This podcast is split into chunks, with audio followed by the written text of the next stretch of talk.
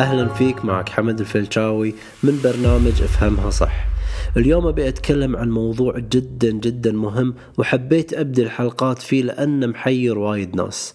أذكر واحد من معلميني دايما كان يردد لي هذه الجملة يقول لي أن أولياء الأمور يحزنون وايد على عيالهم لأنهم يخافون من الظلمة.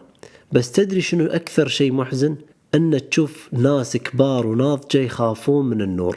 التغلب على الخوف من أعظم الأمور اللي لابد يتعامل الشخص معاها. أول شيء خلينا نسأل نفسنا شنو اللي يسبب الخوف؟ هل الخوف سبب الجهل وقلة المعرفة؟ وإذا كنا بنروح ونسوي شيء جديد أو إذا مثلا بنغير بارادايمنا أو عاداتنا القديمة. فإحنا هني قاعد نطلع من منطقة راحة قعدنا فيها سنوات. وهالشيء اللي يخلي معظم الناس ما تتقدم على التغيير. بتلاقي أشخاص يخافون من أنهم يتكلمون قدام أحد غريب بتلاقي ناس يخافون يسألون حتى بتلاقي حتى مندوبين مبيعات يخافون يرتبون مكالمة مع عملائهم أو يخافون حتى يطلبون السعر اللي يستحقونه. وقف شوي وفكر أبيك تفكر بهالشيء عدل. شنو الشيء اللي مقيدهم؟ شنو الشيء اللي مقيدك أنت؟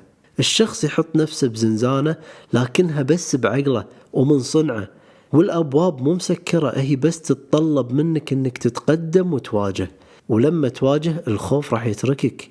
واجهه بتشوف شلون بتكون حر وهذا السر اللي أغلب الناس ما تعرفه. إذا وقفت نفسك بسبب الخوف فحياتك كلها بتتوقف وهذا واقع. لازم تكون شجاع الحين لأن الأشخاص الشجعان هم عندهم خوف لكنهم يواجهونه. أبيك تفكر معي كم عدد الأشخاص اللي يبون يطلعون من وظائفهم لكنهم خايفين. أو الأزواج أو اللي عندهم علاقات ويخافون يتركونها. هذا الخوف يخليك بدوامة ما تطلع منها بس كل هذا يصير بسبب الجهل. ولما تقرر إنك تطلع وتسوي اللي تبيه وتكتسب وعي مختلف وتتطور وتدرك هذا الخوف هذا الخوف راح يروح. وكل اللي تحتاجه إنك تاخذ قرار بأن هذا الخوف ما راح يمنعك من تحقيق الشيء اللي تبيه. وايد بسيطة. أخذ قرار. اطلع وحققها. اطلع الشيء اللي ببالك اطلع وحققه اسعى له روح اخذ خطوات بسيطة. ما يخالف يمكن في وايد ناس بتقول شلون؟ أنا وايد أخاف عندي رهبة من الشغلة الفلانية. بس لازم تفهم شغلة مهمة. الكهف اللي تخاف تدخله يحمل الكنز اللي تبحث عليه طول عمرك. الحرية كلها موجودة بعد مواجهتك لهذا الخوف وبعد ما تتغلب عليه.